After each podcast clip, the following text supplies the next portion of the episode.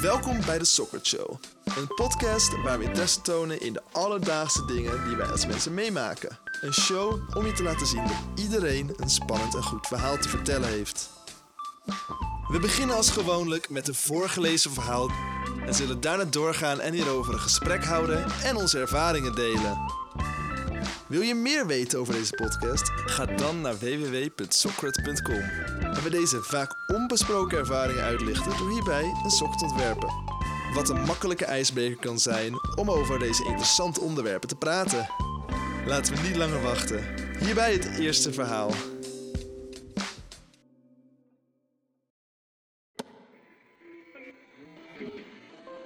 Bobby Fischer is lange tijd gerespecteerd als werelds beste schaker. En nog steeds zien velen hem als de beste schaker ooit. In New York leerde Fischer zichzelf schaken via een handleiding. Hij was toen slechts zes. Vanaf daar ging het snel. Hij werd al snel opgemerkt als wonderkind en op zijn veertiende was hij schaakkampioen van de Verenigde Staten. Na een paar misverstanden was Fischer in 1972 het boegbeeld van het Westen. In Reykjavik mocht hij het opnemen tegen de Rus Boris Spassky.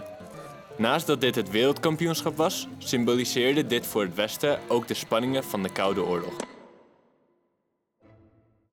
Sinds de Tweede Wereldoorlog hadden enkel Russen het wereldkampioenschap mee naar huis weten te nemen. En dit was met de geniale Fischer een goede mogelijkheid voor de VS om daar verandering in te brengen.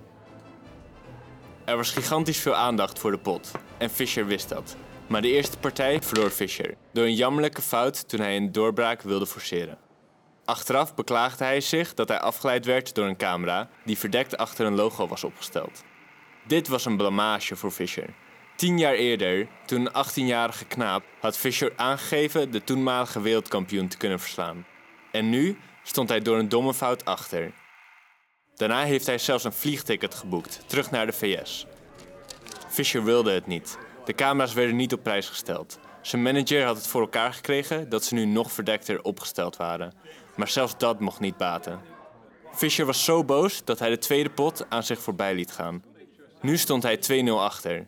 De derde pot kwam Fischer binnen. Hij begon aan de lichtknoppen te zitten, boos dat er nog steeds camera's stonden. Spassky werd ook geïrriteerd en wilde in een andere hal spelen, zonder camera's. Als kleine kinderen kibbelden ze. Boris Spassky was de eerste die toegaf, waarna hij een openingsset deed. Fischer dacht er nog aan weg te gaan, maar uiteindelijk gaf hij toe. Uiteindelijk won Fischer de pot en ook het kampioenschap. Indrukwekkend. Oké, welkom back, lieverds. Hallo. Wat vond je nou van het verhaal? Ja, ik vond het leuk. Ehm, schaken sowieso. Ik vind het een leuke sport, een leuk spel. Natuurlijk altijd zijn er mensen, "Ja, het is toch geen sport, het is niet fysiek. Ik vind het wel een sport. Maar ehm, nee, leuk spel. Eeuwen oud, je hoort het altijd. Ehm, vroeger was het altijd het spel wat door oudjes gespeeld werd. Ik weet, mijn vader speelde het en mijn opa speelde het. Wij, oudjes, toen we acht waren. Ja, wij ook. Ja, toen we acht waren speelden we het ook. Ik ben toen helaas uit de schaakvereniging eh, gekikt. Ehm, ik nam het spel niet serieus genoeg en ik wou niet winnen. Dus eh, een tijdje waren ze klaar. En ik zat ook allemaal andere spelletjes met de stukken te spelen. Ik vond het veel te interessant. En je had ja, maar ik gewoon allemaal een paard en een, en een ridder en al die soort dingen. Nou, dat vond ik heel leuk om verhaaltjes mee te maken. Ja. Dat was niet helemaal de bedoeling. Ik ben later achter gekomen. Ehm, schijnbaar moet je ook winnen met schaken. Moet je schijnbaar ook zeg maar, spelen en de regels volgen. Nou, dat wist ik niet. Ehm, regels die trouwens echt al duizenden jaren niet veranderd zijn. Nee, nee. Sprekend over conservatief, hè? Jeetje. Ja, Weet je eigenlijk het, eh, het originele, het, het, het leuke verhaal wat er wordt verteld eh, achter schaken? nee, eigenlijk niet. Nooit gehoord. Nee? Nou, dat gaat dus over een, een mythisch figuur uit, eh, uit India. Sissa, ook een hele prevalente naam in de schaakcommunity om- om aan je club te geven. En ehm, die had dat spel bedacht en de koning die was echt verbluft. Een soort van voorganger van schaken in India. En ehm, toen was die koning van, ja, hoe kan ik je terugbetalen? En die Sissa die zat na te denken. En die zei, nou, voor de eerste tegel krijg je één, wil ik één stukje graan. Voor de tweede tegel wil ik twee graan. Voor de derde vier. En zo het hele bord af. Maar als je dat zo optelt, dan heb je meer graan dan er toen eh, in heel eh, de wereld eh, werd verbouwd, volgens mij. Omdat het natuurlijk zo'n exponentiële groei is over eh, zoveel, eh, zoveel blokken. En ehm, die koning, die, eh, ja, Die is eh, bankrupt geraakt waarschijnlijk. Als, Ja, dat, eh, als ze ja. dat eh, rechtelijk hebben neergelegd, zwart en wit, nou, dat zou niet gelukt hebben. Daarom daar komt het spreekwoord don't mess with the exponential functions ook wel vandaan. Het spreekwoord hoor je niet heel vaak. Welk spreek? Don't mess with exponential function. Niet, niet, niet, ja, niet, niet, niet stoer doen met exponentiële Nee, nee, functies. Nee, het, dat, het wordt het, vaak het graankorrelvraagstuk genoemd. Ah, kijk. En ehm, er zijn ook wiskundigen en filosofen die eh, vrij weinig te doen hebben, die zich daarmee bezighouden. Dus eh, Met, met graan en schaken. met het graankorrelvraagstuk. Oh, oké. Ja. Van wat zou die anders moeten gezegd hebben? Misschien nee. Ik, ik weet niet. eh, Wat nou als je zeg maar n tot de macht 2 in plaats niet n tot de macht 2 doet, maar gewoon n tot de macht 1,01. Dat je dan toch misschien net iets overzichtelijker weet. Hmm. Werk je dan wel weer snel met halve graankorrels, dan wordt het ook weer heel moeilijk. Ja. Maar ehm, nee, wat je tegenwoordig wel ziet, is dat ook die jeugd weer schaken aan het oppakken Het is. is hip, eh, het begint weer hip is te hip. worden. Nou, het begint. Het is gewoon eh, het ja, is super het hip. is al hip, ja, klopt. Eh, we zitten hier toevallig bij Zip thuis, waar ook een vervent schaker van onze normaal. leeftijd woont. Ja, nee, die, die, die is online de hele dag bezig. Ja, En eh, van die snelle potjes en trage potjes. En eh, eh, oh, vandaag is mijn score omlaag gegaan, potverdorie. je Dan ILO. denk ik, ja, ik, ik, ik, ik snap het niet. Ik heb één keer een potje tegen hem gespeeld. Ik was in, in 30, eh, nou in heel weinig zetten was ik eruit. We hebben net ook een potje gedaan, Wouter en ik. Ja, Ja, dat was toch wel even een schande gepakt. Ik dacht op een gegeven moment, ik ben onoverwinbaar. Ja En toen mijn- werd het bord eigenlijk te klein. Ik weet niet, Wouter kon allemaal stukken pakken en toen eindigde ik met alleen pionnen. Dus Ik eh, had heel stom gespeeld. Hij had mijn koningin echt in de vierde, vijfde beurt al eruit gegooid. En ik dacht, oh nee, is het. En toen eh, ben ik wat serieuzer gaan spelen. Dacht ik, weet je wat, laat ik wel een keer winnen. Mijn schaakdocent zal trots op me geweest zijn. ja, Anneke. En, eh, Anneke. Anneke. en toen heb ik geprobeerd nog wat te doen. Uiteindelijk wist Sepp vaak genoeg te blunderen dat het, hij er weer Ja, uitkwam. Ja, ja. Schande gepakt. Ja, nee, ik heb ook in mijn klas hebben er ook eh, mensen die eh, f- regelmatig aan het schaken zijn. Nou komen we uit de middelbare school niet herinneren dat er ooit iemand aan het schaken waren. Alleen tegenwoordig zie ik het telkens vaker dat Ja. mensen aan het schaken. En ik speel ook nog wel eens met mensen en ik heb het ook wel eens geprobeerd dan te trainen op de computer en dan die manier wat ILO te winnen en daar competitief wat omhoog te klimmen. Maar dat is echt niet te doen, want dan moet je eerst begrijpen hoe, wat je eigenlijk gaat doen met schaken. Dan moet je gaan leren wat de Mhm. waarde is van elk stuk. Mhm. Daar komen zoveel regels achter. En eigenlijk zeg maar de enige regels die ik weet zijn hoe de poppetjes lopen. Alleen eigenlijk is dat... Dat is allemaal ideeën. Ja, als we hier naar de boekenkast kijken, staan er ook een stuk of vier schaakboeken. Oh, Daar wordt ook gewoon actief in gekeken. Ja, Ja, dat is de enige manier om echt goed te worden, denk ik. ja, klopt. Ja, daar komen echt hele verhalen achter. Zeg maar zover dat mensen gewoon vooruit kunnen lezen. Ik weet inderdaad bij die professionele eh, spellen, daar heb je gewoon... Er zijn zo al vijf beurten, zie je lang niet. Hè? Dat is toch helemaal geen schaakmat. Op een gegeven moment zegt Vijf hij... Ja, beurten. Ja, nee, niet na vijf beurten, maar zeg maar Nee, vijf beurten voor ja. het einde. Dan zegt Nee. ja, vijf, t- vijf turns still mate. En dan is het gewoon... Ja, dat is zo. Ik sprak een keer met een, eh, nou, grootmaster was, eh, meester was hij niet, maar goede schaker. Dus ik zeg, ja, is dat moeilijk? Hij zegt, nee hoor, je moet gewoon 30 beurten vooruit kijken. Ja, Ja, nou, dat kan ik niet. nee. maar uh, nou, dan is het dus niet mo- moeilijk als je dat kan. ja. Dat, uh, ja, makkelijk. Ja, ik denk dat natuurlijk zit het ook uh, gewoon in veel spellen spelen en het gewoon een beetje in je uh, bij Oh, de muscle tuurlijk, memory tuurlijk, krijgen. Tuurlijk. Ja. Ja.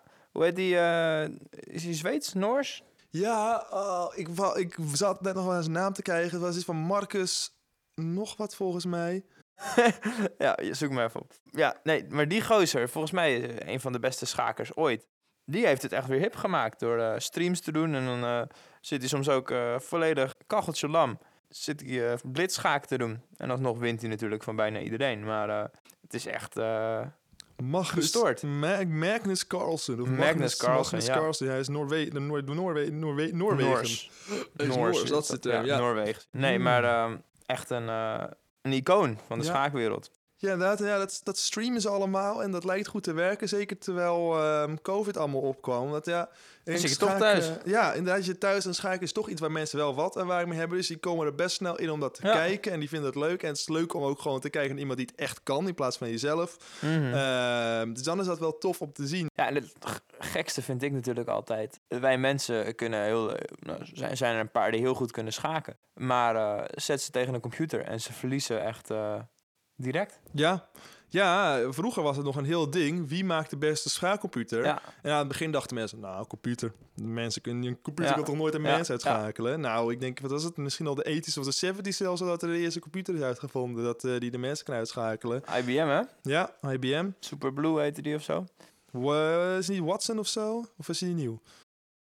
Nee, die is nieuw voor mij. Maar Ah. iets met blue. Ah, ik weet niet. Misschien heb jij wel gelijk. In ieder geval, dat was natuurlijk de, de start. En dat was schaken is een sport waarin je maar een aantal zetten hebt. Dus dat kan je gewoon inprogrammeren. Ja. Maar de laatste jaren zie je dat met Go. Met het Koreaanse spel. Met die, eh, met die, eh, met die met- nou, dat zijn het eh, soort van bolletjes.